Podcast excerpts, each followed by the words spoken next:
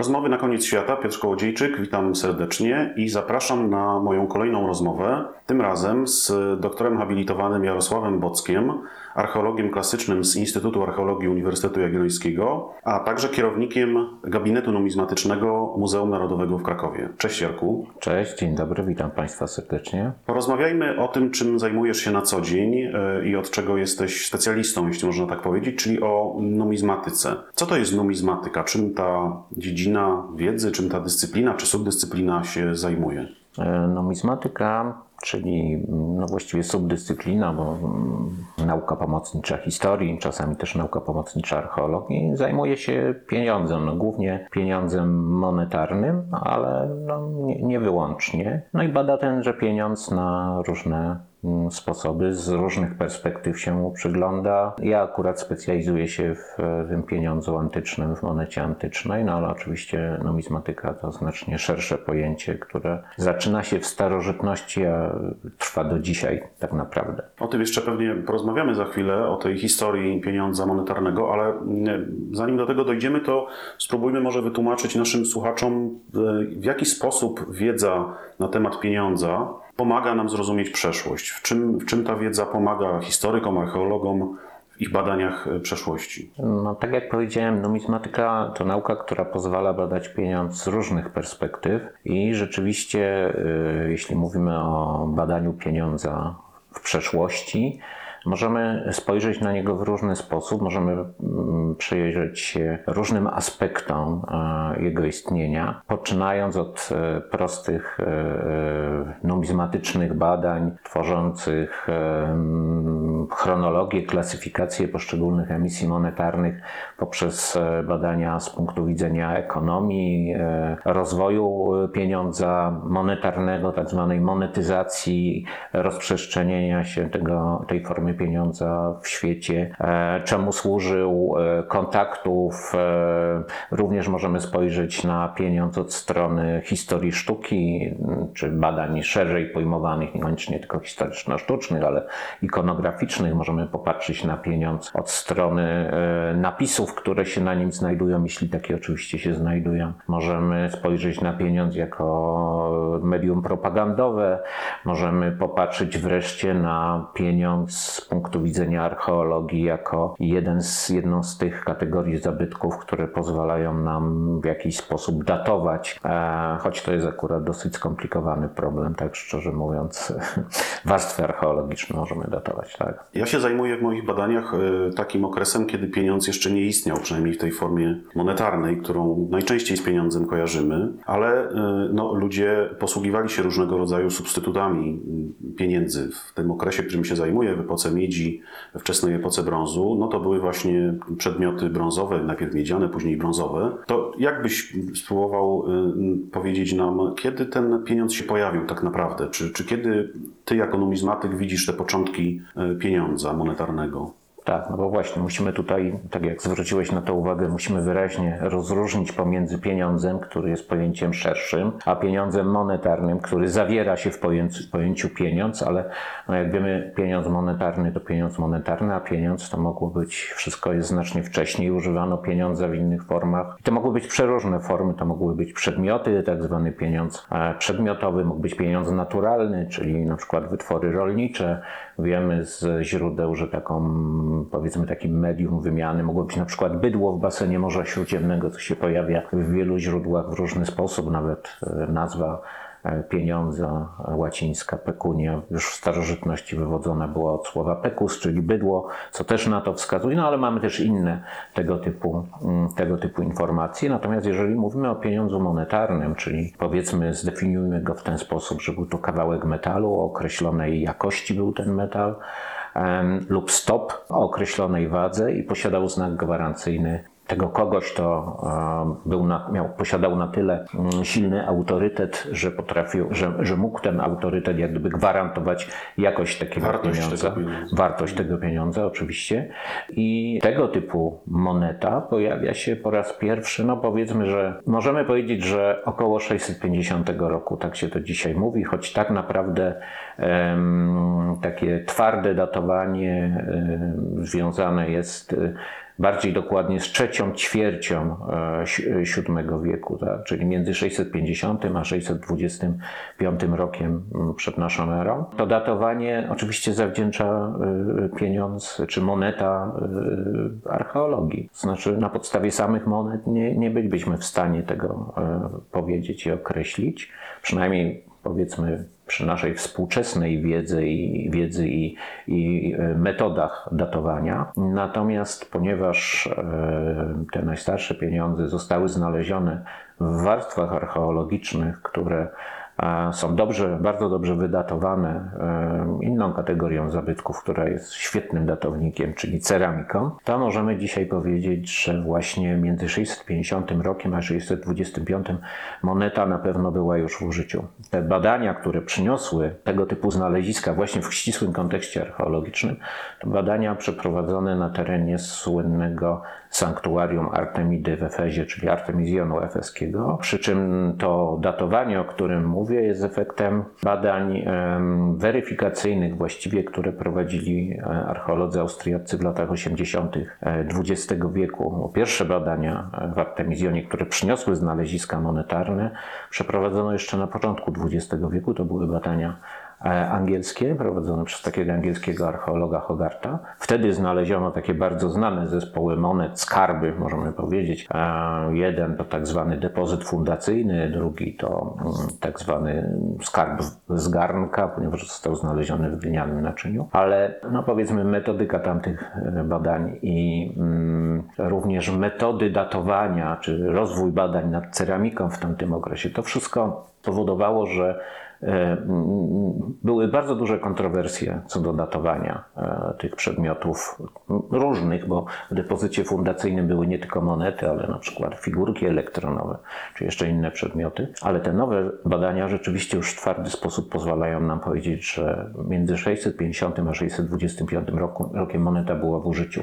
Czy nie rozpoczęto bicia tych monet nawet troszeczkę wcześniej, to na to nie mamy dowodu, ale nie możemy też tego e, w pełni wykluczyć, bo te monety, zanim trafiły w te miejsca, w warstwy archeologiczne, do ziemi, tak jak to się często potocznie mówi, być może jeszcze jakiś czas e, znajdowały się w obiegu, więc być może tą granicę można jeszcze przesunąć wcze- wcześniej. Czyli Azja Mniejsza jest Azja Mniejsza. Azja Mniejsza. monetarnego. Tak, y, zachodnia, nawet dokładnie rzecz biorąc, zachodnia Azja Mniejsza. Jedna niewiadoma, która mm, wciąż y, jest przed nami i powinniśmy ją kiedyś może rozwiązać, to jest to, czy rzeczywiście, no, skoro są to znaleziska z Efezu, czy to Grecy jońscy wynaleźli monetę, czy władcy e, Lidii. Ja osobiście skłaniam się ku takiej wersji, że byli to Lidejczycy, z tego względu, że władcy lidejscy z dynastii Mermnadów no, spełniali takich kilka ważnych warunków, e, czyli posiadali odpowiednią władzę, żeby gwarantować wartość tych monet. Posiadali dostęp do złóż kruszcu.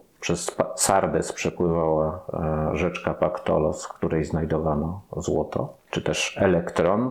Jeszcze zaraz do tego wrócimy, co to jest ten elektron. E, No i również e, posiadali odpowiednie e, jak gdyby techniczne możliwości. Wiemy o tym, że już na pewno w VI wieku Lidyjczycy potrafili zarówno wykonywać czy, czy tworzyć stopy złota i srebra, ale potrafili też rozdzielać złoto od srebra, czyli dokonywać rafinacji złota. Powiedziałem o elektronie, dlatego że te pierwsze monety były bite ze stopu. Stopu, który składał się ze złota i ze srebra. Nie były bite ze złota czy ze srebra samego, tylko z takiego stopu. I tenże stop e, nazywamy elektronem, chociaż Grecy nazywali to po prostu białym złotem, czy tam bladym złotem. No bo rzeczywiście taki stop różni się kolorem od czystego, od czystego złota. Tak to wygląda mniej więcej w skrócie. Czy ten wybór metalu, już wszystko jedno jakiego, ale metalu, czyli przedmiotu dość twardego, o, o dość dużej wytrzymałości, był podyktowany właśnie tym, że to był symbol czegoś trwałego, stałego, czy, czy zastanawiasz się nad tym, zastanawiacie się w gronie osób, które się zajmują numizmatyką nad tym, dlaczego akurat metal stał się tą podstawą y, pieniądza, a nie jakiś inny surowiec. Przede wszystkim stał się metal szlachetny, tak? Tak, Mówimy o tym. To jest, I to już jest pewna wskazówka, która nam coś mówi na ten temat. Wiemy, że w tradycji tego pieniądza niemonetarnego, która e, znacznie e, wcześniej występuje niż e, oczywiście pieniądz monetarny, pieniądz kruszcowy to jest jedna z tych form, która się pojawia mm, i jest bardzo rozpowszechniona. I kruszce szlachetne, głównie srebro, i złoto, e, to są te kruszce, które tutaj odgrywały zasadniczą rolę. I wydaje mi się, że mm, nie chodzi tutaj o e, twardość e, tego materiału, tylko raczej o to, że złoto i srebro no, z jakichś powodów przyciągały uwagę mm, ludzi od dawna i do dzisiaj tak jest. Jak wiemy, traktujemy złoto, srebro, też inne metale szlachetne jako coś cennego, jako lokatę kapitału, jako coś, co ma dużą wartość. Pamiętajmy, że pieniądz ten wczesny, monetarny, to był właśnie pieniądz kruszcowy. Czyli wartość tych e, monet była e, no, właściwie taka jak zawartość kruszcu w, e, w, tych, e, w stopie, z którego były te monety wybijane. Przy czym oczywiście zawsze tak było, że ta wartość była troszeczkę e, zawyżana, nie? no bo ten, kto te monety produkował, w jakiś sposób musiał też na tym zarabiać. Dlaczego akurat elektron, czyli stop złota i srebra, to to jest pytanie już znacznie trudniejsze, tym bardziej, że mm, dawniej uważano, że te elektronowe monety były produkowane z elektronu naturalnego. No ale nowsze badania wskazują wyraźnie, że przynajmniej moneta, już monety były produkowane z elektronu, który był sztucznie e, e, produkowany, wytwarzany. I to jest już pewne.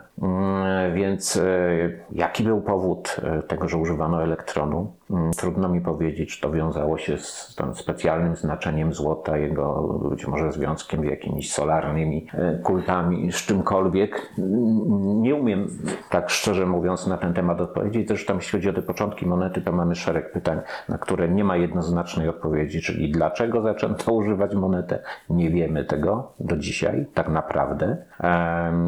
Dlaczego nie używano innych form pieniądza? Obszary odległe mniej lub bardziej od tej zachodniej Azji Mniejszej, gdzie wprowadzono e, wynalazek monety, radziły sobie doskonale e, z zupełnie innymi formami pieniądza, choćby z tym ważonym srebrnym kruszcem. I mm, obserwujemy nawet taką sytuację, że w czasach, kiedy już tam na zachodzie ta moneta była bardzo mocno rozpowszechniona, to w tak rozwiniętych ekonomicznie regionach jak na przykład Babilonia, tej monety nie było. No, wymiana towarowa istnieje w zasadzie do dzisiaj i, i niektórych... Prawda, to prawda, z tym, że pamiętajmy, że, pamiętajmy, że na terenie e, Babilonii znakomicie rozwinięta była em, ta ekonomiczna strona w postaci banków, e, właśnie wymiany. I, e, To był jeden z bardziej rozwiniętych ekonomicznie regionów tego świata śródziemnomorskiego, tak to nazwijmy. A jednak moneta przyjęła się tam właściwie dopiero po Aleksandrze Wielkim. E, mimo, że e, powiedzmy, że mm, Mezopotamia czy Babilonia, czy jak tam będziemy e, ją ściśle określać, była przecież częścią tego samego państwa perskiego, jakiego częścią była Lidia i Jonia, i wszystkie greckie krainy w zachodniej części Azji Mniejszej, czyli de facto y, to było jedno państwo, więc nic nie stało na przeszkodzie, żeby, No tak, żeby produkować, przede wszystkim produkować, bo oczywiście monety docierały na wschód, docierały na teren dzisiejszego Afganistanu, docierały y, na tereny y, Iranu, oczywiście Mezopotamii, ale poza Baktrią, czyli dzisiejszym mniej więcej terenem Afganistanu, nie produkowano monet po czasy Aleksandra Wielkiego. W Baktrii rzeczywiście mam taką dziwną sytuację, bo zidentyfikowano monety, które były prawdopodobnie około piątego, połowy V wieku produkowane. To jest zupełny ewenement w stosunku do tych innych wschodnich obszarów, gdzie wszystko to nastąpiło jednak e, później. Dlatego też w zasadzie powinno się używać terminu e, pieniądz niemonetarny, a nie pieniądz przedmonetarny, bo termin pieniądz przedmonetarny jednak ma pewną sugestię. Sugeruje, tak. A, a były takie obszary, gdzie e, równolegle jedna i druga forma pieniądza była w, użyciu. Ten temat metalu, który wykorzystywano do produkcji monet, wydaje mi się interesujący, bo rzeczywiście w epoce miedzi, w epoce brązu, w epoce żelaza te mm, płacidła wykonywane z, właśnie z tych surowców były dość powszechne, ale one miały ten walor, że można było je przetopić na inne przedmioty, na broń na przykład, prawda? A w przypadku srebra, złota czy elektronu raczej nie miało to miejsca, no z wyjątkiem jakichś bardzo symbolicznych przedmiotów, które z, z tego wykonywano, więc dlatego zastanawiam się nad tym, dlaczego akurat taki pieniądz zaczął wchodzić w użycie w, w pewnym momencie i stał się no, tak powszechny e, później. No, em, owszem, z, ze złota czy ze srebra w zasadzie broni nie można było wykonywać, ale przecież można było wykonywać szereg innych przedmiotów, które miały bardzo duże znaczenie, e, choćby prestiżowe. No, dzisiaj biżuterię niektórzy w dalszym ciągu traktują jako oznakę prestiżu. No ale kiedyś miało to jeszcze większe znaczenie. Biżuterię wykonuje się głównie ze, z kruszców szlachetnych. W związku z tym ta wartość tego samego kruszcu, monety zawsze można było przetopić. Tak jak powiedziałem y, w tym wcześniejszej wypowiedzi, że na przykład na teren Afganistanu, na teren dzisiejszego, na teren e, Iranu, na teren e, powiedzmy sobie Mezopotamii, ale również na teren Egiptu na przykład, monety trafiały tylko nie były używane jako monety. Trafiały właśnie jako srebrny złom. A ze względu na wartość tego kruszcu, z tych, e, ten kruszec służył później do pewnie dalszych jakichś transakcji, już niekoniecznie z, z użyciem, ze znaczeniem jako moneta.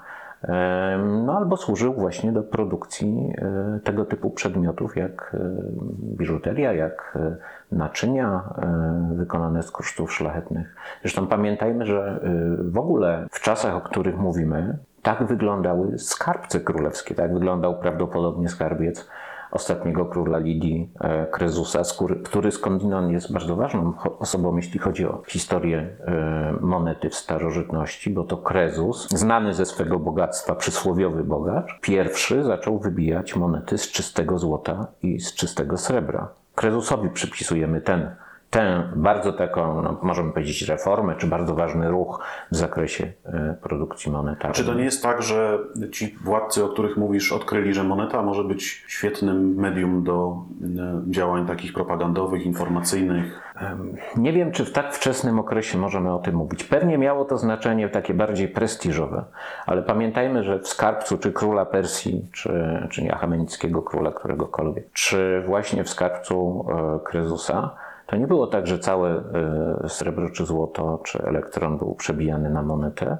Owszem, w skarbcu było troszkę monet, ale oprócz tego były właśnie wykonywane ze złota, ze srebra naczynia, był złoty piasek, e, czyli złoto, e, srebro w różnych formach, w różnej formie przechowywane i tylko w zależności od potrzeb używane, Czerpano z tego czerpano z tego używano tak jak, tak jak należy, tak? Czyli jeżeli była potrzeba wybicia monety, bo jeszcze tam musimy sobie powiedzieć, w tamtych czasach, w ogóle generalnie możemy powiedzieć, że bardzo długo w starożytności, to nie było tak, jeśli chodzi o produkcję monet, że o 8 rano przychodził pan mincerz, odbijał kartę, przez 8 godzin wybijał monetę, odbijał kartę, szedł do domu, przychodził następnego dnia i tak przez 12 miesięcy w ciągu całego roku. Tylko najprawdopodobniej wyglądało to w ten sposób, że jak była potrzeba, to monetę wybijano, czasami w dużej ilości, czasami w mniejszej liczbie, A tak to były okresy przerwy. Także nie mamy tutaj do czynienia z takim spojrzeniem na. Zresztą, ale dzisiaj też tak chyba mennice działają, tak? Że e, nasz. Trudno się do nich dostać, bo są dość dobrze chronione, ale, ale- myślę, że są ale- raczej fabryczkami, czy fabrykami wręcz. Ale nie, ale wygląda to inaczej. No, Ja na przykład byłem w jakichś mennicach w- czasie swoich różnych zawodowych podróży i to wygląda najczęściej tak, że po prostu jest zamówienie, to zamówienie jest zrealizowane, wysyłane do zamawiającego e, i realizowane jest następne zamówienie. Dlatego na przykład w mennicy może być, nie wiem, produkcja polskiej monety, e, która trwa dwa miesiące, ponieważ jest zamówienie na wybicie tylu i tylu takich i takich monet, a później na przykład jest wybijane są monety, nie wiem, dla Australii przykładowo, nie? E, bo tak działają te mennice, które mają szczególnie tą międzynarodową e, renomę i produkują pieniądz ten taki obiegowy, który jest potrzebny do życia na dużej ilości dużej ilości na. Więc nawet dzisiaj, no owszem, oni codziennie przychodzą do pracy, ale to nie jest tak, że biją cały czas te same monety, nie? Tego samego państwa. I takiej potrzeby też nie było w starożytności, nawet może mniej. Bo tak jak powiedziałem, my nie wiemy tak naprawdę, po co te monety wybijały. Wybijano, te pierwsze, i bardzo długo jeszcze później po co wybijano, ponieważ wartość takiej monety powodowała, że nawet te bardzo małe bite z elektronu, właściwie to one się nie nadawały do handlu codziennego. Miały za dużą wartość. No. W związku z czym, w związku z czym prawdopodobnie wpłynęły na to, na to jakieś czynniki. Są takie koncepcje, że może znormalizowana wypłata dla wojsk najemnych, że może znormalizo- znormalizowana e, e, powiedzmy moneta, którą uiszczano podatki albo wypłacano jakieś wynagrodzenia, no niekoniecznie tylko wojsku, ale może komuś innemu. Czyli próba uporządkowania jakiegoś aspektu funkcjonowania. Tak, ale też musimy mieć tą świadomość, że też te monety, to one nie docierały do wszystkich, nie? że ktoś je miał, ale większa część, ta biedniejsza, szczególnie społeczeństwa, mimo że moneta już istniała, to i tak e, ten handel naturalny prowadziła, bo po prostu nie trafiały do nich monety. Także ta monetyzacja, czyli taki, e, no powiedzmy, rozpowszechnienie się monety, to jest proces, który trwał w ciągu dziejów i tak naprawdę różnie to jest na różnych terenach yy, i różnie to jest w różnych okresach czasu. Także mamy dużo jeszcze pytań i dużo kłopotów, jeśli chodzi o odpowiedzi. e, To dobrze, bo jest co robić. No na pewno, na pewno. A czy coś wiemy o tych pierwszych, e, no właśnie, mincerzach, e, mennicach? Nie wiem, czy można tak mówić o tych wczesnych warsztatach.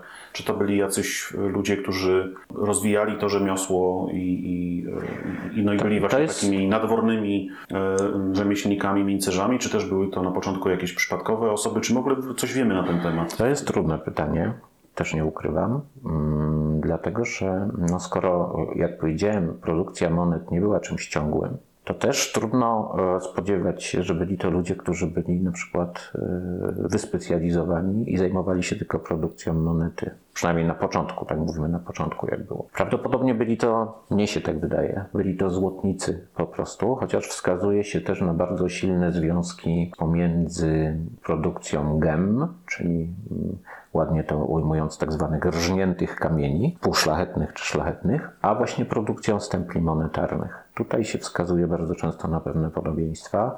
Zresztą mm, niektóre z monet, tych wczesnych, w jakiś sposób odwołują się też do tej tradycji właśnie gliptycznej, czyli tej związanej z pieczęciami, tak? No bo gemmy to były pieczęci tak, naprawdę. Ym, No jeden z, jedna z najstarszych inskrypcji, która pojawia się na monecie, jeszcze bitej prawdopodobnie w VII wieku, czyli bardzo wcześnie, bo inskrypcje pojawiają się bardzo wcześnie. To nie jest tak, że najpierw były monety zupełnie bez żadnych napisów i potem się dopiero napisy pojawiają.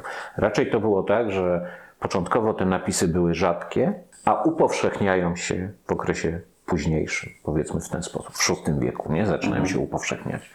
Czy w V już potem jest ich bardzo dużo, ale to też nie jest tak, że na wszystkich e, monetach, zresztą też zapis, forma zapisu, to co było w tej inskrypcji jest bardzo zróżnicowane. Ale wracając do tej monety takiej wczesnej, jest taka moneta, która ma inskrypcję, którą na polski, na język polski możemy przetłumaczyć jestem znakiem Fanesa. Więc patrząc na tego, tego, tego typu napis, to on nawiązuje do tego, co pojawiało się w gliptyce, właśnie na pieczęciach, takie własnościowe właściwie znaki, tak? No i tu jestem znakiem Fanesa w postaci właśnie tej monety, napisu, tego, co jest na monecie właściwie również. Byłaby to, byłby to właściwie rodzaj pieczęci Ale w trochę innej formie. ale bita z kruszcu, bita, no bo czym, czym się różni też moneta od powiedzmy tych pieczęci, które były wykonywane z kamienia. Nie były tak jak później e, w okresie rzymskim, już na przykład z pasty szklanej, tym samymi jakimiś takimi matrycami wykonywane. E, Moneta się różniła od pieczęci tym, że moneta jest zabytkiem masowym. Nie, nie, nie robi się stempla monetarnego, żeby wypić jedną monetę, a nawet dziesięć. Tylko jednym stemplem wybija się może tysiące nawet monet. To jest ta różnica zasadnicza, ale, ale ta zbieżność jest. Jeśli chodzi w ogóle o historię tą starożytną, e, już trochę odchodząc od samych początków, to oczywiście na samym początku ci mincerze są dla nas kompletnie anonimowi. E, Tu jest jeszcze taka kwestia, że mm, moneta e, była w jakiś sposób powiązana z sakrum. A to z kolei powodowało to, że zarówno jeśli chodzi o napisy na monetach, jak i jeśli chodzi też to, co na monecie przedstawiano, przez długi czas no, miało zapewne zwyczajowe, a może religijne ograniczenia, tak? E, również polityczne. E, imiona osób na monetach owszem pojawiają się, ale jeżeli się pojawiają imiona osób, to to są władcy najczęściej. Bardzo rzadko, czy też stosunkowo rzadko pojawiają się imiona tych ludzi, którzy wykonywali stemple do produkcji monet. To znaczy, są takie okresy i są takie mm, lokalizacje, powiedzmy, gdzie było to jakby bardziej e, widoczne. Taka sytuacja ma miejsce w ostatnim ćwierćwieczu V wieku e, na Sycylii. Skąd mamy z Syrakus, ale również z innych, powiedzmy, ośrodków, gdzie produkowano e, monety, mamy przykłady monet z podpisami mincerzy wplecionymi gdzieś tam w przedstawienie, które na monecie na się znajdowało. Ale to jest zupełnie wyjątkowa sytuacja. W innych regionach Grecji to jest bardzo rzadkie. To jest bardzo rzadkie. No właśnie miałem pytać o, to, e, o te rzeczy, które na monetach się znajdują, no bo ktoś musiał podejmować decyzję o tym, co na takiej monecie się znajdzie. Czy to będzie napis, jeśli tak, to jaki? Czy to będzie przedstawienie e, jakiejś postaci e, związanej z religią, czy postaci, nie wiem, króla, władcy albo kogoś jeszcze innego? Jak analizujecie te, te przedstawienia na monetach i co one nam mówią o, no, o tej rzeczywistości, w której powstawały? Bo pewnie tak to trzeba określić. Jeśli chodzi o, e, używamy takiego żargonowego określenia typy monetarne, tak? chociaż ono jest takie nie do końca mm, precyzyjne, bo za typ monety można też czasami uznać po prostu jak gdyby, e, nie wiem, rodzaj no- monety, nominał. Ale mówimy o typach monetarnych, mając e, w, powiedzmy na myśli mm, to, co na monecie zostało przedstawione. Na awersie typ awersu, na rewersie typ rewersu. I e, tutaj e, możemy powiedzieć tak, że e, te przedstawienia mają oczywiście bardzo różny charakter. Nieco inne są w tych wcześniejszych okresach, nieco inne w okresach późniejszych. Te wczesne zapewne mają znaczenie e, religijne, które e, również może być powiązane z em, jakimś znaczeniem takim ściśle nawiązującym do emitenta. Ale problem na przykład z wczesnymi monetami jest taki, że one się charakteryzują bardzo dużą różnorodnością tego, co było na monecie przedstawione. A ponieważ się charakteryzują różnorodnością, no to najprostsze przyjęcie rozwiązania jest takie, że to po prostu pochodzą z różnych mennic, nie? bo każda mennica tam Miała swój wzór. Ale to nie jest prawda. Najprawdopodobniej sytuacja jest znacznie bardziej złożona i może być tak, że po prostu bardzo dużo różnych przedstawień pojawia się na monetach bitych w tym samym ośrodku. Że w ten sposób różnymi przedstawieniami rozróżniane są poszczególne serie monet. My nie wiemy jeszcze e, bardzo wielu rzeczy, jak powiedziałem, z czego się ucieszyłeś. Ja też w sumie mam co robić. E, Jak wygląda kwestia organizacji pracy, dlaczego wybijano monety różnymi stemplami, e, czy to miało jakieś znaczenie ekonomiczne, że na przykład, nie wiem, wycofywano starszą emisję, wprowadzano. To jest trudne wszystko do, do zrozumienia jeszcze dla nas, jeśli chodzi o ten wczesny okres. W każdym razie, generalnie, jak popatrzymy na mennictwo e, greckie, bo pozostańmy na razie przy nim, to sytuacja wygląda w ten sposób, że możemy wyróżnić kilka takich podstawowych kategorii przedstawień. Nie? Że są przedstawienia, które mogą stanowić tak zwane godła mówiące. Nie? Czyli, że patrząc na monetę, na to, co jest na monecie, nawet jeżeli było się niepiśmienną osobą, to napływało skojarzenie, skojarzenie z, z, tym, z tym ośrodkiem, który tam monetę wyprodukował. Jak się patrzyło na monety ateńskie, słówki słynne, tak? czyli monety, które miały na awersie głowę Ateny, a na rewersie sowę, to patrząc na tą głowę Ateny, to właściwie w duchu wymawiało się nazwę miasta, którą tam monety produkowało. Podobnie było na Rodos, gdzie wybijano monety. No, na Rodos, powiedzmy, sytuacja jest taka, że w 408 roku te poleis, czyli te państwa, które e, istniały na Rodos, na wyspie Rodos, łączą się politycznie, następuje tak zwany synojkizm i powstaje jedno państwo, które się nazywało Rodos. Powstaje nowe, nowa stolica wtedy e, tego państwa, czyli miasto Rodos, które istnieje do dzisiaj. I zaczynają wybijać nową monetę. Monetę tą dla nowego państwa Rodos. Wcześniej te ośrodki wybijały sobie swoje monetki. E, I na tej monecie, na wersji jest głowa Heliosa, co, który jest takim bóstwem bardzo opiekuńczym dla Rodosu. Słynny kolos rodyjski to był przecież też e, posąg przedstawiający Heliosa. Ale na rewersie jest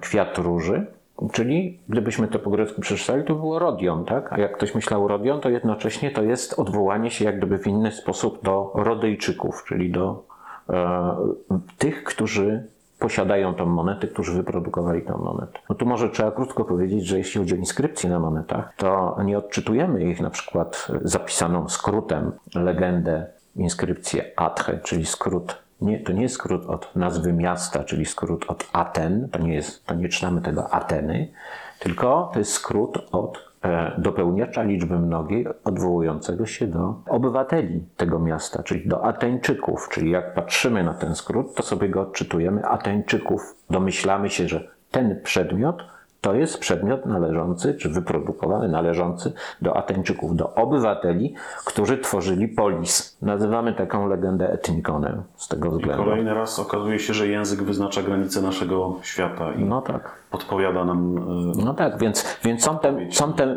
godła mówione, nie? które potrafią zidentyfikować. Na niektórych monetach pojawiają się odwołania oczywiście religijne. Nie? No znowu wróćmy do tej monety Aten. Głowa Ateny, postać sowy, która jest na rewersie, która z Ateną jest związana, odwołuje się do tego najważniejszego, czy może jednego z głównych bóstw opiekuńczego dla miasta. Nie? To jest oczywiste. Wiemy to z innych źródeł, możemy tutaj sobie to połączyć. W innych przypadkach, gdzie nie mamy takich wiadomości, możemy się domyślać, że wizerunki bóstw albo przedmiotów związanych z bóstwami są związane właśnie e, z kultami, tymi, które szczególnie były e, w tych miastach e, prowadzone. Skąd numizmatycy biorą te wszystkie monety, które analizują? Skąd biorą się kolekcje monet, które później podlegają naukowym analizom? Jeśli popatrzymy na e, zabytki archeologiczne, na zabytki ruchome, tak, to oczywiście najbardziej powszechną kategorią jest ceramika, której jest najwięcej, ale monety należą do tych kategorii zabytków, których jest bardzo dużo, bardzo dużo. Monety były przez ludzi gubione, tak jak dzisiaj gubimy przecież, szczególnie drobne nominały. Monety były przez ludzi e, tezauryzowane, czyli ukrywane. Monety były składane bogom w ofierze, czyli znajdowały się, tak jak wspominaliśmy o tym choćby Artemizjonie Efeskim, te monety tam trafiły złożone zapewne bogini w darze. E, I one są oczywiście w związku z tym znajdowane. I to znajdowane są od e, początku. To nie jest tak, że znajdowanie monet to wymysł archeologów, tylko wszystkie opowieści o skarbach, nieskarbach, które gdzieś tam się snują, e, z tym są związane. No, opowieści czasami bardzo, Tak, bardzo my- stare. Myślę, że jednym z takich mitów dotyczących poszukiwań archeologii jest właśnie ten garnek z, z monetami złotymi. Złotymi. Skrzynia ze złotymi monetami. Dokładnie, dokładnie. I, I monety są znajdowane. Znajdowane były przy pracach rolnych, znajdowane były przy pracach budowlanych, znajdowane były przy plądrowaniu e, obiektów e, sepulkralnych, czyli dawnych grobów, które też przecież plądrowano od, od dawien dawna. Także e, po prostu te monety trafiają, czy trafiały w jakiś sposób, nazwijmy to, choć nie jest to może w tym kontekście dobre słowo, na rynek. E, Trafiały do złotników, trafiały e, do kościołów, trafiały do klasztorów, trafiały do skarbców, były przetapiane i tak dalej. Ale też bardzo wcześnie, bo jeszcze w starożytności, w okresie starożytności, zaczęto, e, pojawili się ludzie, którzy sobie takie monetki zbierali. E, I ten proceder przecież e, trwał e, przez całe wieki. I do dzisiaj mamy ludzi, którzy zbierają monety. I oczywiście bardzo różne monety, bo poczynając od rzeczywiście tych historycznych, starożytnych, albo po współczesne, obiegowe. Są ludzie, którzy po prostu chcą mieć monety, które są używane współcześnie na całym świecie. A są też tacy, którzy zbierają coś, co z- mojego punktu widzenia monetą nie jest, ale jest produkowane specjalnie właśnie pod kątem kolekcjonerów przez nasz Narodowy Bank, e, przez różne inne e, tego typu instytucje, e, nawet takie pamiątkowe żetoniki, medaliki. Dzisiaj odwiedzając jakąkolwiek atrakcję turystyczną w Polsce można trafić na automat, gdzie można sobie tam wrzucić, nie wiem, 5 zł czy ileś i wyskakuje z tym miejscem związana monetka. Więc, więc monet było zawsze dużo. Jak powiedziałem, one były produkowane nie jedna, dwie sztuki, tylko były produkowane w tysiącach egzemplarzy. W związku z czym zawsze tych monet było dużo i to powodowało, że też można było budować. Człowiek ma taką potrzebę też kolekcjonowania. Może nie wszyscy, tak? Ale są ludzie tacy, którzy mają potrzebę kolekcjonowania. W dzieciństwie chyba każdy z nas coś zbierał. Chociaż jest różnica między takim zbieraniem a kolekcjonowaniem. Kolekcjonowaniem, no. Niemniej jednak ten jakiś taki, taki pierwiastek w każdym z nas jest. On się potem u jednych rozwija, u innych się nie rozwija. No i dlatego też te monety były zbierane. A jeśli weźmiemy, dodamy do tego właśnie to, o czym mówiliśmy wcześniej, że te monety bardzo długo, wczesne, ale nie tylko przez starożytności i nie tylko e, w średniowieczu, ale i później, to była moneta kruszcowa. To jeszcze dochodzi ten drugi element, tak? Zbierając monety, w jakiś sposób też e, no, była to jakaś... majątek, tak? Tak, no był to rodzaj jakiegoś majątku też, no, chociaż e, no, nie zawsze tak było. No, wiadomo, że w okresie średniowiecza mamy już przykłady kolekcjonerów, takich, o których wiemy, tak? no, ale w renesansie, w okresie renesansu następuje taki boom, zainteresowanie starożytnością, zainteresowanie dawnymi czasami. To wszystko powoduje oczywiście, że ludzie zaczynają się tym interesować. Tu w Krakowie w XVI wieku w uniwersytecie właśnie, czy z uniwersytetem związane były osoby, które wspierały monety. No, ja patrzę jak zawsze najbardziej pod kątem monet starożytnych, ale, ale faktem jest, że mamy w źródłach oczywiście bardzo takie często enigmatyczne informacje o tym, że ktoś posiadał zbiór. Tu byli kolekcjonerzy, lekarze mm, związani z Krakowem, e, przedstawiciele możnowładztwa, ale też profesorowie uniwersytetu, którzy jakieś takie monety mieli. Trudno powiedzieć, jak duże to były kolekcje dzisiaj, bo y, część z nich nie była zbyt majętna, mm, ale też te informacje są takie dosyć y, ograniczone, ale jednak tak to było. Zresztą zbiór uniwersytetu też zaczął się w XVI wieku. Kolekcja numizmatyczna, y, wtedy przechowywana w bibliotece uniwersytetu. Jesteś e, szefem gabinetu numizmatycznego Muzeum Narodowego w Krakowie. Co to jest za kolekcja, co to jest za instytucja, co, co tutaj się znajduje i czym na co dzień się zajmujecie? Ten zbiór, który przechowywany jest w Muzeum Narodowym w Krakowie, e, jego korzenie sięgają mm, drugiej połowy XIX wieku. Było parę takich faktów. W 1879 roku uchwalono powstanie Muzeum Narodowego.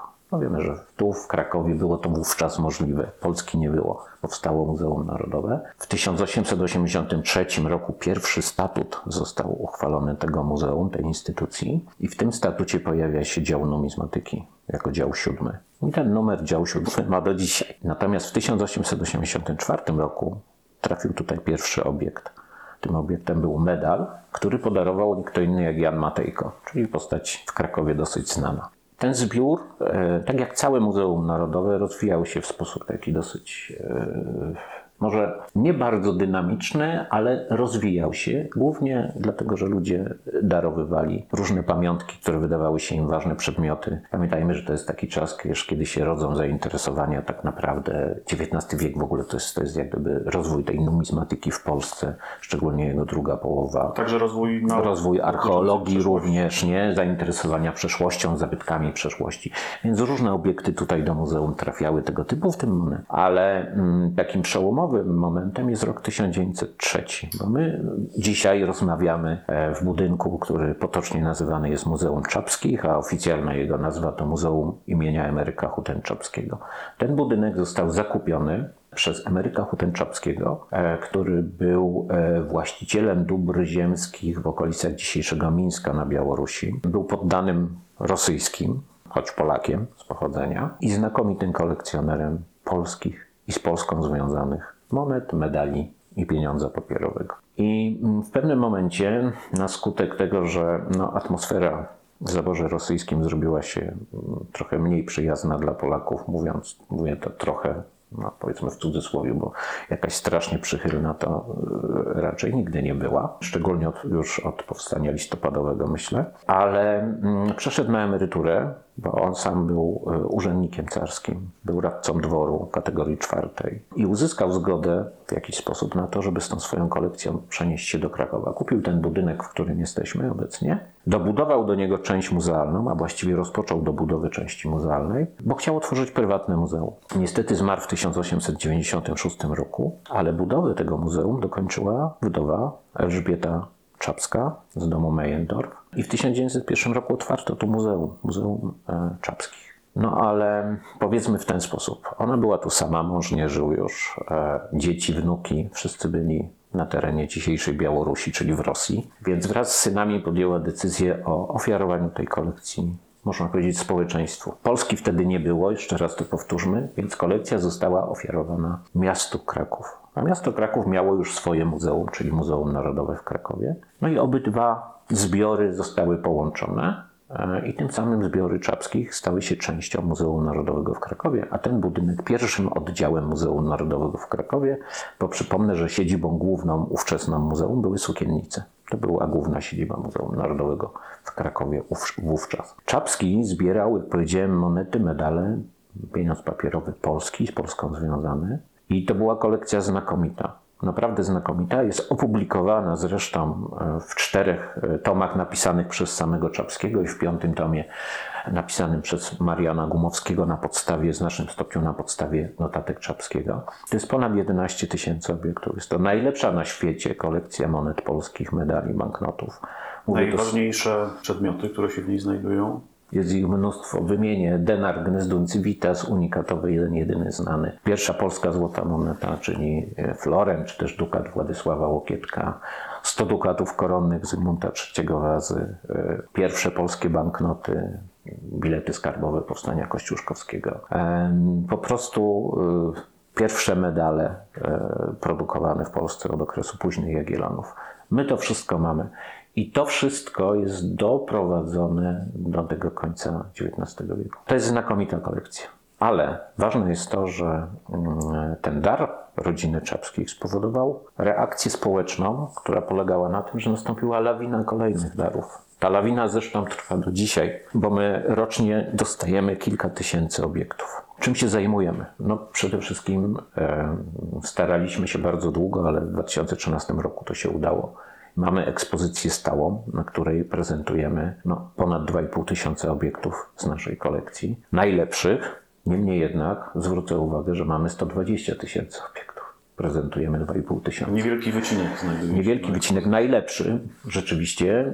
W ramach tej ekspozycji stałej prezentujemy e, monetę w starożytności, monety greckie, rzymskie, łącznie z takimi ciekawymi obiektami, jak jedna z najstarszych monet wybitych na ziemiach polskich, choć nie moneta polska, a, czyli stater celtycki, tak zwanego typu krakowskiego, bo gdzieś tu w okolicach Krakowa w połowie I wieku przed Chrystusem takie monety produkowano. E, Ale oprócz tego co roku otwieramy wystawę czasową, tematyczną. Korzystając z tego wielkiego zasobu naszych obiektów, ale też dzięki uprzejmości na przykład prywatnych kolekcjonerów albo innych instytucji, robimy wystawy, które prezentują jakieś zagadnienia już e, bardziej szczegółowo, bardziej tematycznie i staramy się spośród tych 120 tysięcy, które mamy, jak najwięcej pokazać w ten sposób. E, Przed pandemią, no teraz mamy trudny moment, ale przed pandemią prowadziliśmy również takie wykłady mm, dla szerokiej publiczności, które propagują wiedzę o numizmatyce. Wydajemy różne publikacje, między innymi takie stricte naukowe czasopismo, ale też w tym budynku obecnie zakotwiczone jest e, Polskie Towarzystwo Numizmatyczne Oddział w Krakowie, które grupuje kolekcjonerów, miłośników e, numizmatyki. Tutaj się spotykają, tutaj się zbierają. Tutaj właśnie wydawany jest e, numizmatyk krakowski, takie czasopismo nienaukowe, tak bardzo jak e, to nasze czasopismo muzealne, ale mm, takie bardziej przeznaczone dla powiedzmy bardziej szerokiej publiczności, bardziej popularyzujące niż zajmujące się jakimiś stricte naukowymi zagadnieniami. Realizujemy różne projekty, także opracowujemy również przede wszystkim zbiory. e, No właśnie, bo jeśli co roku dostajecie ich e, tyle. No więc jest to, jest to się rzeczywiście. Jest to charówka, no bo te zbiory muszą zostać wprowadzone do systemu. E, W dzisiejszych czasach to już nie są papierowe książki, gdzie pracowicie muzealnicy wypisują piórem albo długopisikiem wszystko, tylko w dzisiejszych czasach tak naprawdę jest to system elektroniczny, baza danych, w którą wprowadzone są mm, wszystkie nabytki i stopniowo udostępniane w zewnętrznie dostępnym, powszechnie dostępnym katalogu zbiorów Muzeum Narodowego w Krakowie. Więc no, wydaje mi się, że robimy dosyć dużo. Współczesna numizmatyka to y, działalność również nowoczesna, oparta o nowoczesne technologie, laboratoria. prawda? Dokładnie, Tego dokładnie. typu działania też prowadzicie. Dokładnie. Ym, To znaczy, współczesna numizmatyka to nie jest już tylko i wyłącznie e, szkło powiększające obiekt, e, ślęczenie nad nim godzinami i, i potem zapisywanie mniej lub bardziej odkrywczych e, spostrzeżeń, czy pracowite wpisywanie ręcznie, jak powiedziałem, w jakieś katalogi.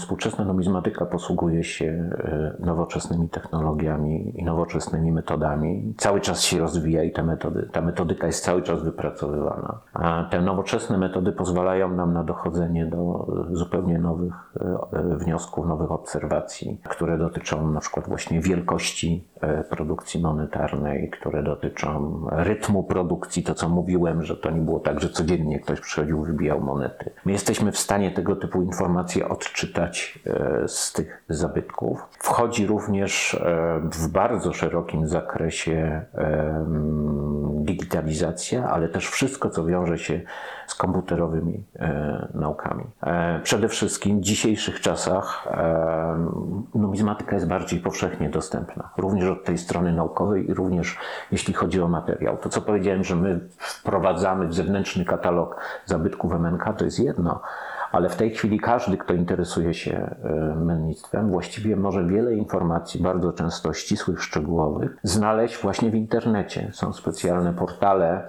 poświęcone tematycznie różnym zagadnieniom.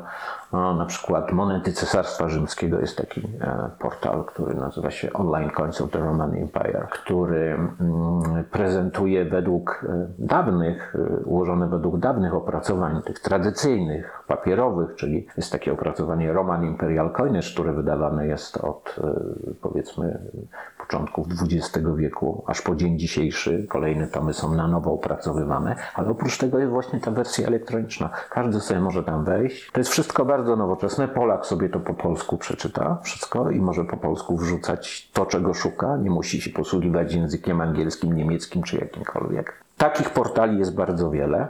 Wykorzystujemy e, również, e, powiedzmy, tą digitalizację do badań nad monetami. Takim jednym z, jedną z metod, która jest używana w numizmatyce, jest tak zwane badanie powiązań stempli. Ja mówiłem o tym, że moneta jest masowo produkowana. E, Moneta produkowana jest w ogóle jak wygląda, czy wyglądał kiedyś. y, y, y, Dzisiaj niby też, ale dzisiaj to jest wszystko już mechaniczne, tak? Ale generalnie potrzebny jest stempel awersu, stempel rewersu, krążek metalu. Dawniej to wyglądało tak, że ten stempel awersu trzeba było umieścić w e, kowadle, na nim położyć krążek metalu, czy tam kawałek metalu, a z góry uderzyć czymś, co w pewnym momencie stało się stemplem rewersu. W związku z tym, że jest to mechanika, no to te stemple używają, ulegają zniszczeniu. Wycierają się, pękają, niszczą się po prostu. Także do wybicia na przykład jakiejś większej emisji potrzeba było wielu stempli. Stemple em, nie zużywały się jednakowo.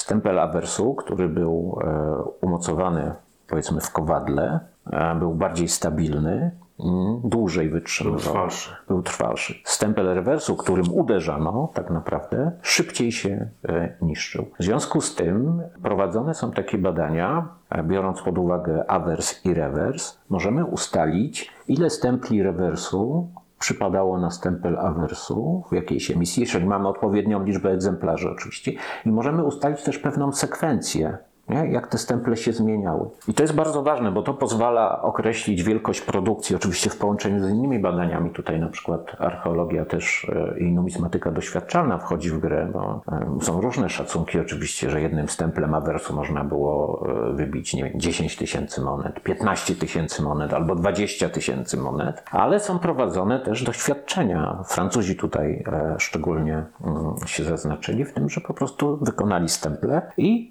wybili tymi stemplami monety, obserwując jak zachowuje się stempel i ile im wyjdzie wybitych monet jednym stemplem awersu. Więc biorąc pod uwagę tego typu dane, czyli przyjmując pewną wielkość, ile monet jednym stemplem i mając taką, taki ciąg tych powiązań stempli, jesteśmy w stanie na przykład obliczyć wielkość produkcji. Zaraz do tego jeszcze wrócimy, ale wchodzą tu jeszcze metody statystyczne, ale, ale teraz mówię o tych e, powiedzmy komputerowych działaniach. No więc, e, żeby ustalić ilość stempli i tych powiązań między nimi, to jest bardzo nużąca praca. wymaga skoncentracji e, i skupienia, bo trzeba rozpoznać te podobne Bardzo stemple. precyzyjne Bardzo precyzyjne. są potrzebne. E, Dzisiaj staramy się wykorzystać do tego celu nowoczesne metody. Czyli oczywiście, tak jak i archeologia, i inne nauki, e, sięgamy do metod stosowanych w innych dziedzinach. I tutaj na zasadzie podobieństwa do daktyloskopii, do badania odcisków palców, wyszukiwanie punktów Charakterystycznych. charakterystycznych pozwala na określenie właśnie poszczególnych stempli. Jest to kłopotliwe, trudne, bo monety są w różnym stopniu zachowane. Na razie jest tak, że tak czy tak to oko człowieka, który skontroluje to, co zrobił komputer, jest potrzebne, ale w tym kierunku idą badania. W tej chwili jest co najmniej kilka, od paru lat już prowadzonych kilka projektów, które tym się zajmują. E, i jeszcze nie ma jakiegoś standardu, standardowego urządzenia czy standardowego oprogramowania. Zresztą myślę, że nigdy nie będzie, bo zawsze będzie można coś lepszego zrobić. Ale badania w różnych ośrodkach w Polsce również idą w tym kierunku. E, powiedziałem o, o statystyce. Nie? Statystyka też jest Wymieniłeś to straszne słowo. Tak, bo z kolei metody matematyczne czy statystyczne generalnie pozwalają nam, no, skoro mamy tą ilość stempli, to pamiętajmy, że tak jak to jest w archeologii, my widzimy tylko część rzeczywistości. To Nie mamy wcale e, pewności, że my wszystkie stemple jesteśmy w stanie zarejestrować, bo jakieś mogły z różnych przyczyn do naszych czasów monety nie dotrwać, wybite którymś ze stempli. W związku z tym mamy na przykład metody, które, wzory, które, jest ich kilka tych metod, nie mówię, że są łatwe i fajne, ale które pozwalają nam obliczyć teoretyczną liczbę stempli. Jeżeli mamy obliczoną teoretyczną liczbę stempli, to z kolei, biorąc pod uwagę te przyjęte wielkości produkcji monet jednym stemplem, jesteśmy w stanie obliczyć wielkość produkcji. Jak jesteśmy w stanie obliczyć wielkość produkcji, to wiemy, ile poszło kruszcu na taką monetę surowca. E, możemy się zastanawiać, co za to można było, co, co można było sfinansować dzięki temu. Więc e, no, są różne mity padają w związku z tym, które kiedyś mieliśmy różne wyobrażenia, ale oczywiście jak to w archeologii, której no, w tym przypadku jest też e, z mojej perspektywy numizmatyka jest częścią, nie zawsze takie odpowiedzi są. Kolejną grupą takich nowoczesnych metod, które wykorzystujemy, to są metody poświęcone badaniom składu stopu, czyli monety, me- metody fizykochemiczne, które pozwalają nam określić z jakiego stopu, jaki ma skład stop, z którego wybito monetę. No i skąd się wziął surowiec do...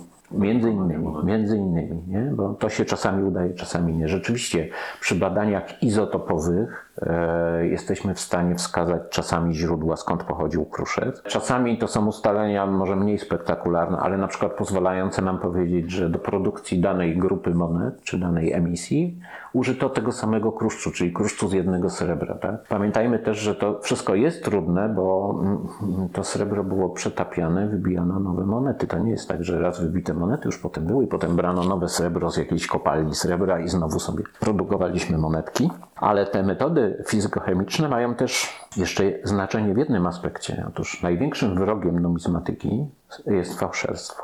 Są fałszerze. Którzy podejrzewam funkcjonowali tak długo, jak funkcjonowały Oczywiście. monety. Jak tylko monety się pojawiły, od razu pojawili się fałszerze. My mamy tego świadectwa prób walki z fałszerzami. Zresztą sama moneta, nie? Bo ja nie mówiłem, jak wyglądały najstarsze monety, a najstarsze monety nie miały żadnego przedstawienia na awersie. Awers był, no albo zupełnie nic tam nie było, albo był jakiś nieregularny wzór, prawdopodobnie odbita powierzchnia, na której kładziono ten krążek, czyli powierzchnia kowadła na przykład, czy nie wiem, co to tam było, na czym położono monetę. Natomiast od drugiej strony mają takie wgłębienie. W numizmatyce się używa łacińskiego terminu incusum. Prawdopodobnie to wgłębienie było po to, żeby pokazać, że ta moneta jest z dobrego kruszcu. Nie, bo Pokazać to była wnętrze też, bo to była też taka metoda sprawdzania wtedy. No bo jak ktoś sprawdzał, my najczęściej sobie wyobrażamy, że ktoś zębami sprawdzał, czy jest dobry, dobry, dobry, dobry kruszec w monecie. Ale w starożytności, Tak, ale tak starożytności, starożytności dbali o zęby bardziej chyba, bo głównie to mamy takie ślady po uderzeniu dłutem. Nie, że waliło się w monetę dłutem, które no, uderzało w monetę i pokazywało, jakie jest wnętrze. Ale dlaczego? Bo od razu jak zaczęto pierwsze monety produkować, to się pojawili cwani goście, którzy umieli to zrobić w ten sposób, że na przykład, no mówiłem, że moneta jest elektronowa. Wartość takiej monety zależała od tego, ile było tego złota w tym elektronie i ile było srebra. Nie? Było cz- 40% złota i 60% srebra, no to wtedy wartość monety to było 40% złota, które miało taką i taką wartość, plus wartość srebra, które miało taką i taką wartość. No i moneta całościowo miała swoją wartość. Ale jeżeli ta moneta z zewnątrz wyglądała jak moneta elektronowa, ale w środku na przykład była srebrna, albo nie daj Boże brązowa czy miedziana, no to ta wartość już była zupełnie inna. Potrafiono tak właściwie od samego początku fałszować, że monety były pokrywane powłoką z tego właściwego metalu, a wnętrze było inne. Więc takie uderzenie, nie? Oczywiście od razu ujawniało Wyjaśniało sprawę. tego typu. Więc produkowano monety od razu z takim uderzeniem, tak? Ale takie też fałszowano. To było fałszowanie na szkodę użytkownika, ale teraz mamy, no mamy kolekcję, mówiliśmy o tym, mamy kolekcjonerów, no i zaczyna się fałszowanie na szkodę kolekcjonerów. Bo skoro ktoś jest w stanie zapłacić duże pieniądze za jakiś obiekt, no to co za problem, żeby w piwnicy wyprodukować taki projekt, taki ob- obiekt i po prostu go sprzedać za duże pieniądze. W połowie XIX wieku w Warszawie, w Mennicy Warszawskiej, pracował taki pan, który nazywał się Józef Meinert, który radośnie produkował albo bardzo rzadkie, albo w ogóle no, prawie że w niektórych Nieistniejące przypadkach nieistniejące monety, które później rozprowadzał wśród e, kolekcjonerów. Został zdemaskowany przez takiego warszawskiego e, numizmatyka, zresztą pioniera fotografii w ogóle, Karola Bejera. A stemple przez tego Bejera wydobyte zostały podarowane Czapskiemu, który to Czapski te stemple w swojej kolekcji miał. My je dzisiaj pokazujemy częściowo na ekspozycji. Także ci fałszerze zawsze byli. No i te badania też składu stopu pozwalają czasami odpowiedzieć na pytanie, czy to jest stop, który mógł być użyć w starożyt, użyty w starożytności. No ale ja uważam, że fałszerze są zawsze krok przed nami. Z początku XX wieku, ile pamiętam, pochodzi zeznanie takie, mm, no powiedzmy, spowiedź właściwie pewnego e, człowieka zamieszkałego w Odessie, który nazywał się Sozonow i który wyznał na łożu śmierci księdzu, że fałszował monety. Jak to robił? Kupował monety starożytne, oryginalne, tylko takie no, w słabych stanach albo takie pospolite. Po prostu wykorzystywał kruszec z tych monet do wybijania fałszy, z które wykonywał sobie stemple i wybijał. Także jakby ktoś badał w ten sposób jego Su- po surowcu by nie po doszedł surowcu do- to by nie doszedł. Więc zwraca się też uwagę na różnego rodzaju mm, technologiczne zagadnienia. Nie? Czyli moneta jest nie tylko badana w kontekście y, tego, z jakiego stopu jest wykonana, ale też jest analizowana pod kątem technologii. Także używamy takich niekoniecznie metod, które nam się kojarzą z historią, z archeologią czy z humanistyką w ogóle, ale używamy też tych metod, którymi posługują się nauki ścisłe. I tutaj może powiemy tyle, że e, tu w muzeum jest taka pracownia, laboratorium Lambos, które mm, między innymi ma e, różnego rodzaju sprzęt, który umożliwia e, badania tego typu. No ale też u nas w instytucie, jak wiadomo, jest pracownia, która też ma bardzo ciekawy sprzęt i też tego typu badania prowadzi i może prowadzić. No i to jest w znacznym stopniu przyszłość e, tego, o czym mówimy. Podsumowując troszeczkę tą naszą arcyciekawą rozmowę i nawiązując do tej przyszłości, którą, o której powiedziałeś przed chwilą, chciałbym Cię zapytać o jakieś takie Twoje naukowe plany, czy może marzenia związane z numizmatyką. Czy jest coś, co masz w planach, albo coś, co chciałbyś kiedyś zrobić związanego z numizmatyką? Jakieś badania, które chciałbyś przeprowadzić, e, jakieś e, odkrycia, których może chciałbyś dokonać związane właśnie z numizmatyką? Od razu uprzedzę i powiem niestety, ale moim marzeniem nie jest odkrycia skrzynki wypełnionej złotymi monetami. Nie marzę o tym. Moje marzenia. Prowadzę w tej chwili badania nad napływem monety starożytnej na ziemię polskie, więc e, jest to coś, co mnie zajmuje. Zresztą są to badania ciągłe, tak? E, Bo e, to się nie kończy na razie przynajmniej. Takie znaleziska cały czas są. Pod- Podczas badań wykopaliskowych, również niestety podczas e, jakichś przypadkowych odkryć albo mniej przypadkowych, ale powiedzmy mniej oficjalnych. Do tego typu znalezisk dochodzi. To jest jedno. E, Druga rzecz, em, jak wiesz, interesuje mnie głównie em, mennictwo, powiedzmy sobie, tej mm, śródziemnomorskiej strefy, y, głównie na terenie Azji Mniejszej. I być może mm, kolejny mój projekt, mój poprzedni, to było tak zwane mennictwo satrapów w okresie Achemenidów, a teraz może jakiś nowy projekt poświęcony którejś z krain mennictwu na terenie którejś z krain. Jeszcze nie podjąłem decyzji, bo e, jest to tutaj sprawa dosyć skomplikowana. No a przede wszystkim myślę, że e, przyszłościowo jednak e, chciałbym, żeby Polska, a konkretnie nasz ośrodek, ale również w kontekście archeologicznym nasz ośrodek, czyli nasz instytut, wszedł mocno w te nowe możliwości przede wszystkim wykorzystywania internetu, platform internetowych, y, budowania baz danych Upowszechniania. upowszechniania, ale też y, y, budowanie takich baz danych daje możliwość każdemu zrobienia czegoś, tak? Dobrze powiedziałeś, upowszechniane, bo każdy może na tą bazę wejść, jest kolekcjonerem, może sobie zobaczyć, co ma, może się zorientować, może sobie wydatować swoje obiekty. Interesuje się, nie wiem, historią, może sobie zobaczyć, co było, ale też dla tych, którzy zajmują się numizmatyką, mm, mamy tam bazy nie tylko jak gdyby stanowią rodzaj katalogu, tak jak to było w przypadku tych katalogów tradycyjnych papierowych, że był na przykład typ jakiejś monety, denar cesarza, nie wiem, Hadriana z roku takiego, a takiego, takiego typu. No i fajnie, nie? No i można się było do tego odnosić. Te bazy mają tę przewagę, że jak mamy takie hasło denar cesarza Hadriana tam ze 134 roku, tak, to e, ten denar widzimy nie tylko z opisem i nie mamy ewentualnie jednego zdjęcia, tylko te bazy zawierają też zdjęcia wszystkich możliwych pozyskanych egzemplarzy. E, Myślę, że to się będzie też rozwijać, czyli że na przykład są tam wszystkie tego typu monety z British Museum, są tam wszystkie tego typu monety z American Numismatic Society, z Bibliotek National w Paryżu, z Berlina i tak dalej. I jeżeli ktoś się interesuje właśnie stemplami, to ma w jednym miejscu zebrane e, właściwie wszystkie dostępne egzemplarze. Oczywiście jeszcze nie ma sytuacji idealnej, bo są instytucje, które nie chcą współpracować, albo takie, które jeszcze nie zdążyły swoich obiektów tam wmontować, ale kiedyś mam nadzieję, że tak będzie, a to z kolei umożliwi nam pracę, tak? Właśnie badania stempli, e, Baza źródłowa będzie Bada źródłowa będzie po prostu rozbudowana. I uważam, że troszkę, troszkę my jesteśmy z tyłu, chociaż powstają tutaj w Polsce takie bazy również. E, Jedną z nich em, dotyczących monet złotych z terenu, znajdowanych na terenie Barbarikum, czyli tego regionu powiedzmy środkowej, północnej i wschodniej e, Europy, która nie wchodziła w skład Cesarstwa Rzymskiego, zrobił Kirył Myzgin, e, czyli e, kolega, który pochodzi z Charkowa, ale pracuje w Uniwersytecie Warszawskim i ta strona jego jest dostępna. No ale też różne inne tego typu bazy są, ale mimo wszystko uważam, że jesteśmy cały czas krok e, z tyłu za tymi wiodącymi ośrodkami, jeśli chodzi o, o tego typu badania i to też chciałbym, żeby się zmieniło. Bardzo Ci dziękuję. Życzę powodzenia oczywiście w tych wszystkich planach. No i zapraszamy do odwiedzania. Muzeum Narodowego w Krakowie. Oczywiście.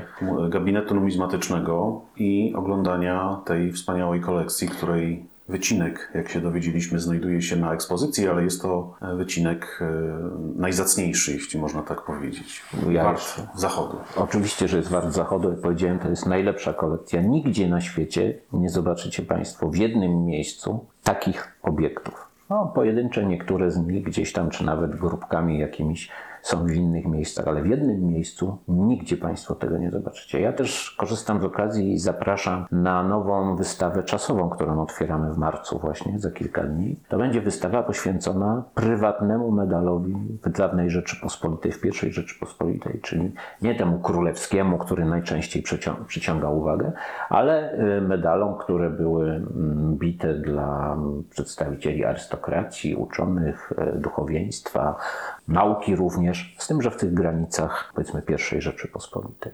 Zapowiada się niezwykle ciekawie. Będzie ciekawe. Jeszcze raz dziękuję i do zobaczenia. Ja również dziękuję bardzo. Do zobaczenia.